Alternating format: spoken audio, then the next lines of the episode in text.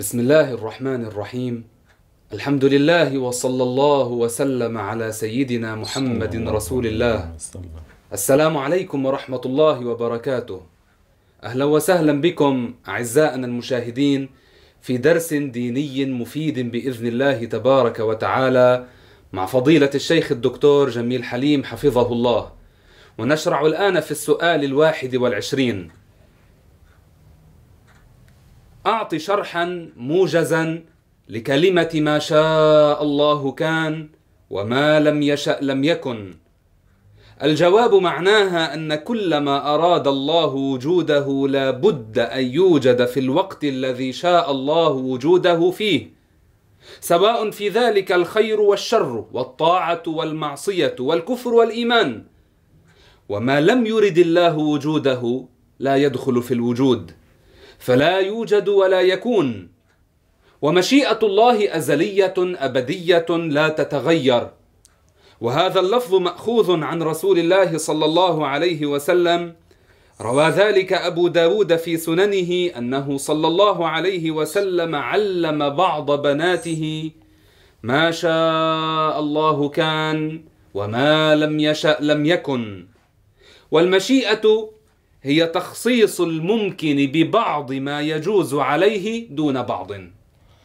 يجب الاعتقاد بأن الله تعالى هو خالق كل شيء فالإيمان والكفر والطاعة والمعصية والفوز والخسران والتوفيق والخذلان والحياة والموت والصحة والمرض والجوع والشبع واللذة والألم والحرارة والبرودة والحلاوة والمرارة.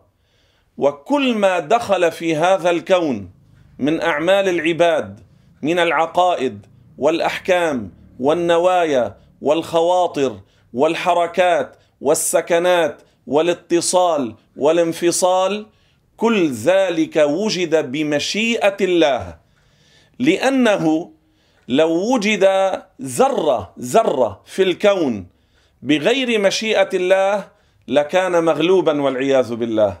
وهذا لا يقوله مسلم. لو تحركت حبة رمل ورقة شجر في الدنيا لو تحركت بغير مشيئة الله لكان مقهورا حيث حصل في ملكه ما لم يرده. ما لم يشأه. وهذا لا يجوز على الإله أن يكون ضعيفا مغلوبا يحصل في ملكه شيئا رغما عنه رغما عن إرادته. هذا لا يعقل ولا يجوز ولا يحصل وغير ممكن. ومن قال بذلك فهو من الكافرين. لكن هنا تنبيه.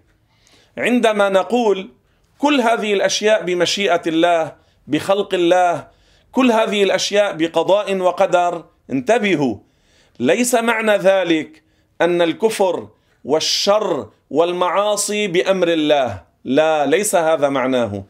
ليس معنى ذلك أن الكفر والشر والمعاصي والآثام والفسوق والفجور بمحبة الله ورضاه. ليس هذا معناه.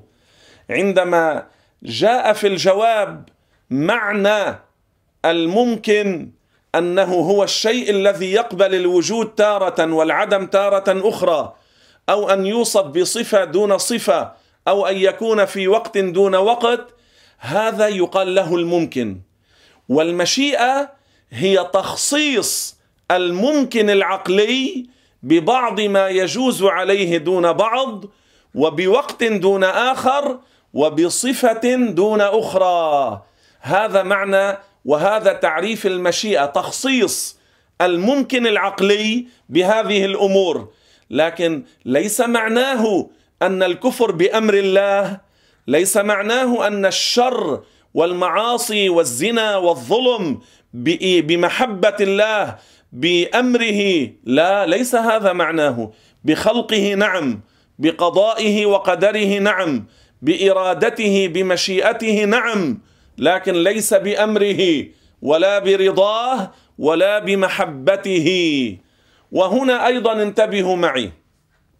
لو قال لكم قائل بما أن هذا الأمر حصل بمشيئة الله فلماذا يعاقب الكفار على كفرهم؟ الجواب لأن هؤلاء الكفار كانوا من العقلاء من المكلفين واختاروا الكفر بإرادتهم. لم يكن الواحد منهم مجنونا لم يكن الواحد منهم مقهورا مكرها مغلوبا لا بل بإرادته اختار الشر بإرادته فعل الشر اذا هو عاقل وله إرادة وبإرادته اختار الشر والكفر فاستحق العذاب على ما فعله بإرادته وليس مجبرا. وليس رغما عنه ولم يكن مجنونا. لماذا المجنون لا يعاقب؟ هذا يعاقب والمجنون لا يعاقب. المجنون ليس مكلفا أما هذا مكلف. فإذا انتبهوا استحق العذاب لأنه فعل بإرادته باختياره بقصد وتصميم منه وهو مكلف. ومسألة ثانية أنه عندما كفر أو عندما عصى هل أطاع الله أم عصى الله؟ عصى الله. يعني خالف أمر ربه وعندما خالف أمر ربه استحق العذاب استحق العقاب. فإن قلتم أو قيل لكم لكن هذا سبق في مشيئة الله فأقول سبق في مشيئة الله لأن الإنسان وما يفعله بخلق الله الإنسان وما يعمله تحت مشيئة الله لكن انتبهوا سبق في علم الله الأزلي أن هذا الإنسان هو بإرادته يختار الكفر بإرادته يختار الشر فحصل منه ما علم الله في الأزل أنه هو يفعله بإرادته فحصل منه تحت مشيئة الله وهو له إرادة واختيار فاستحق العقاب. استحق العذاب. أطاع الله أم عصى الله؟ عصى الله. يعني خالف أمر ربه يعني كان مستحقا للعذاب. والله لا يعترض عليه لأنه يفعل ما يشاء. المؤمن الذي يدخل الجنة خلق لله والكافر الذي يدخل النار خلق لله. لا هذا ينفع الله ولا هذا ينفع الله. لا هذا يضر الله ولا هذا يضر الله. هذا آمن وأطاع الله فأدخله الله الجنة بفضله. وهذا كفر وعصى الله بإرادته فأدخله الله النار بعدله وليس ظلما منه. كما لا يعترض على الله أنه أباح لنا أن نقضي بالسكين على الدجاج والخرفان والبقر والإبل لنتلذذ بأكلها هل يعترض عليه أنه أباح لنا ذلك؟ لا يعترض عليه. كذلك لا يعترض عليه أنه حرم علينا أن نذبح أولادنا لنأكلهم. هل يعترض عليه في ذلك؟ لا. حرم علينا هذا وأحل لنا هذا. وهكذا المؤمن والكافر هذا يدخله الجنة وذاك يدخله النار كما لا يعترض عليه في هذا لا يعترض عليه في ذاك والكل خلقه ولا ينتفع بهم ولا يلحقه الضرر منهم لأنه فعال لما يريد. السؤال الثاني والعشرون ما معنى لا حول ولا قوة إلا بالله؟ الجواب معنى لا حول ولا قوة إلا بالله لا حول عن معصية الله إلا بعصمة الله. ولا قوة على طاعة الله إلا بعون الله. جاء تفسيرها في حديث رواه أبو يعلى بإسناد حسن عن ابن مسعود رضي الله عنه عن رسول الله صلى الله عليه وسلم. وقد ثبت أنه صلى الله عليه وسلم رغب فيه. هذه العبارة العظيمة الجميلة الرائعة التي لها فوائد كثيرة.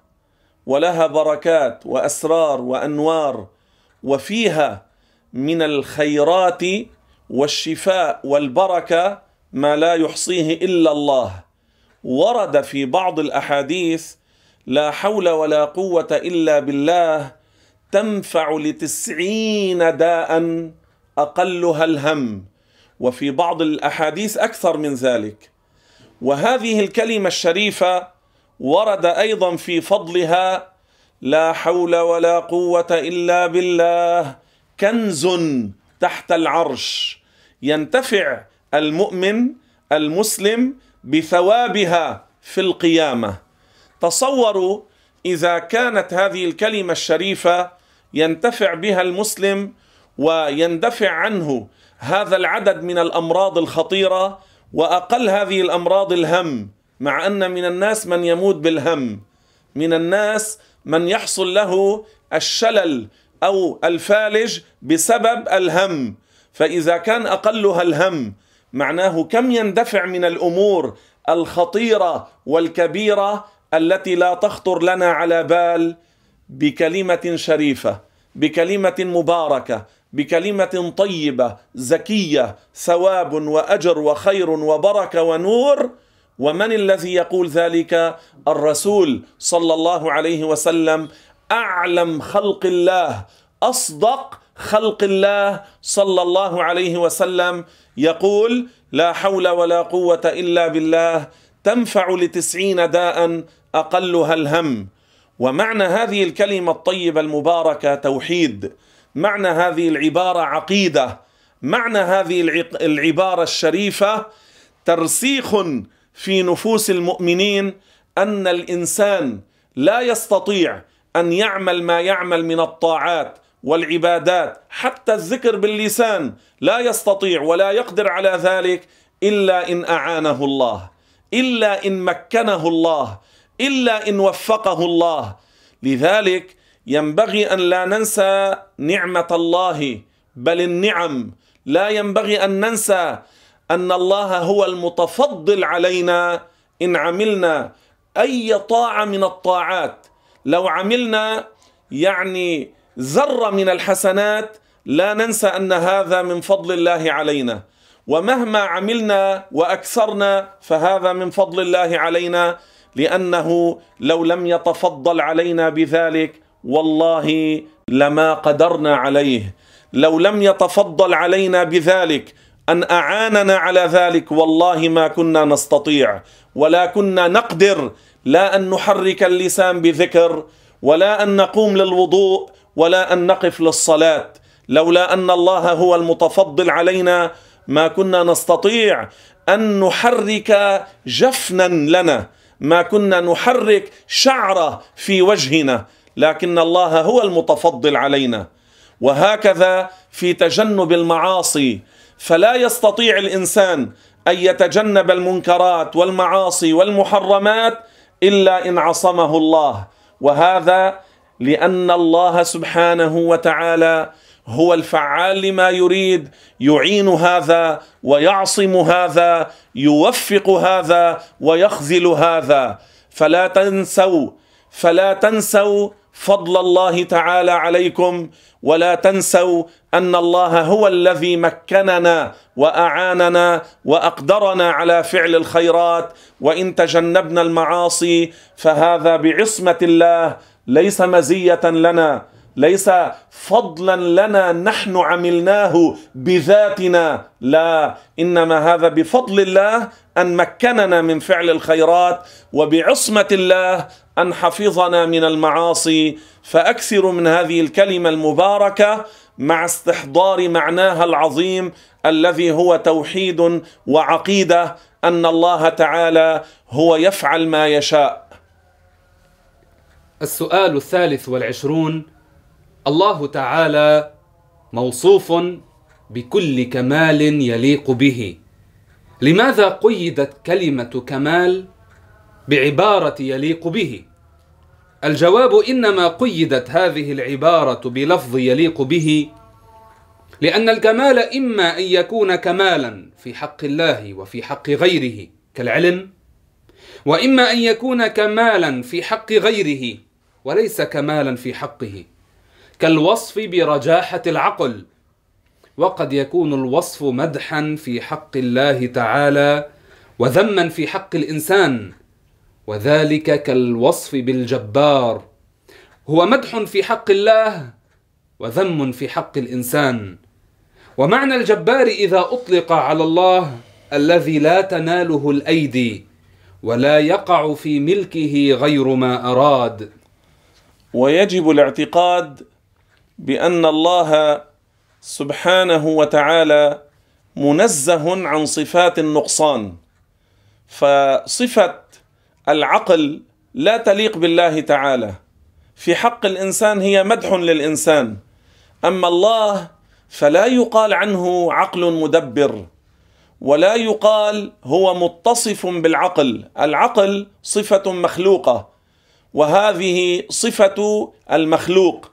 والله منزه عن ذلك لأن الله تعالى لا يجوز أن نطلق عليه ولا أن نطلق عليه من الأسماء أو الصفات إلا بما سمى نفسه إلا بما ورد في كتابه العزيز أو في السنة الثابتة الصحيحة أو أجمعت عليه الأمة.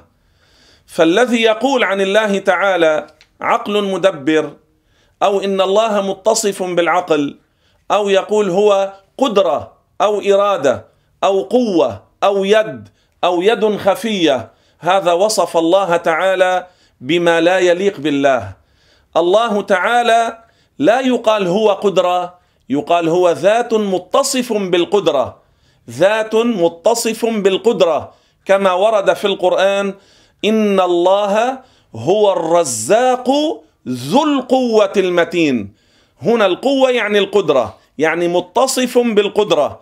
فإذا قيل عنه هو القوة هو القدرة كأن القائل نفى ذات الله وجعله صفة. وأما أن يقول آه، مهندس الكون الأعظم أو اللوحة الإلهية أو الريشه المبدعه أو المنبع أو الأصل أو الأساس فهذا تشبيه لله بخلقه كالوصف بالعقل. والله تعالى قال فلا تضربوا لله الأمثال. وقد قال الإمام الأستاذ الفقيه المؤرخ المحدث أبو منصور عبد القاهر ابن طاهر التميمي البغدادي في كتابه تفسير الأسماء والصفات. انتبهوا ماذا قال. ولا يجوز وصفه بالطبيب ولو كان بمعنى الشافي. ماذا قال أبو منصور؟ ولا يجوز وصفه بالطبيب ولو كان بمعنى الشافي. لماذا؟ قال لأن الطبيب لم يرد في الشرع تسمية الله بالطبيب ما ورد في حديث ثابت صحيح ولا ورد في القرآن. لاحظوا ماذا قال؟ ولو كان بمعنى الشافي. الله يقال هو عنه الشافي يقال الله الشافي. أما الطبيب ما ورد فقال لا يجوز تسمية الله بالطبيب ولو كان بمعنى الشافي. اسمعوا ماذا قال بعد. قال ولا يجوز وصف الله بالمستطيع ولو كان بمعنى القادر. لماذا؟ قال لأن المستطيع لم يرد تسمية الله به لا في الكتاب ولا في السنة الثابتة ولا في إجماع الأمة. اذا نلتزم نلتزم الشرع فلا نطلق على الله إلا ما أطلق على ذاته المقدس.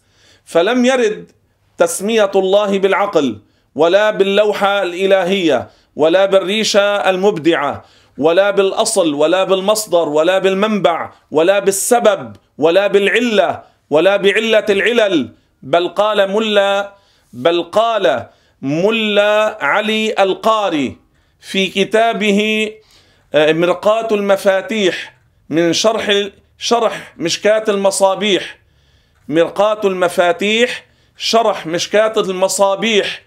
قال إن من أطلق على الله تعالى ما يكون من صفات المخلوقين ومن صفات الأجسام كالذي يحمل الآيات والأحاديث المتشابهة على ظاهرها قال هذا كفر بالإجماع. واسمعوا أيضا ماذا قال الفقيه الحنفي علي السغدي. قال من سمى الله علة أو سببا كفر. إذا لا يجوز تسمية الله بالعقل. هذه صفة مدح في الإنسان لكنها ليست مدحا في حق الله تعالى. وهكذا كمال الله أزلي أبدي لا يقبل الزيادة ولا النقصان. الله صفاته لا تتغير. الله لا يزداد كمالا.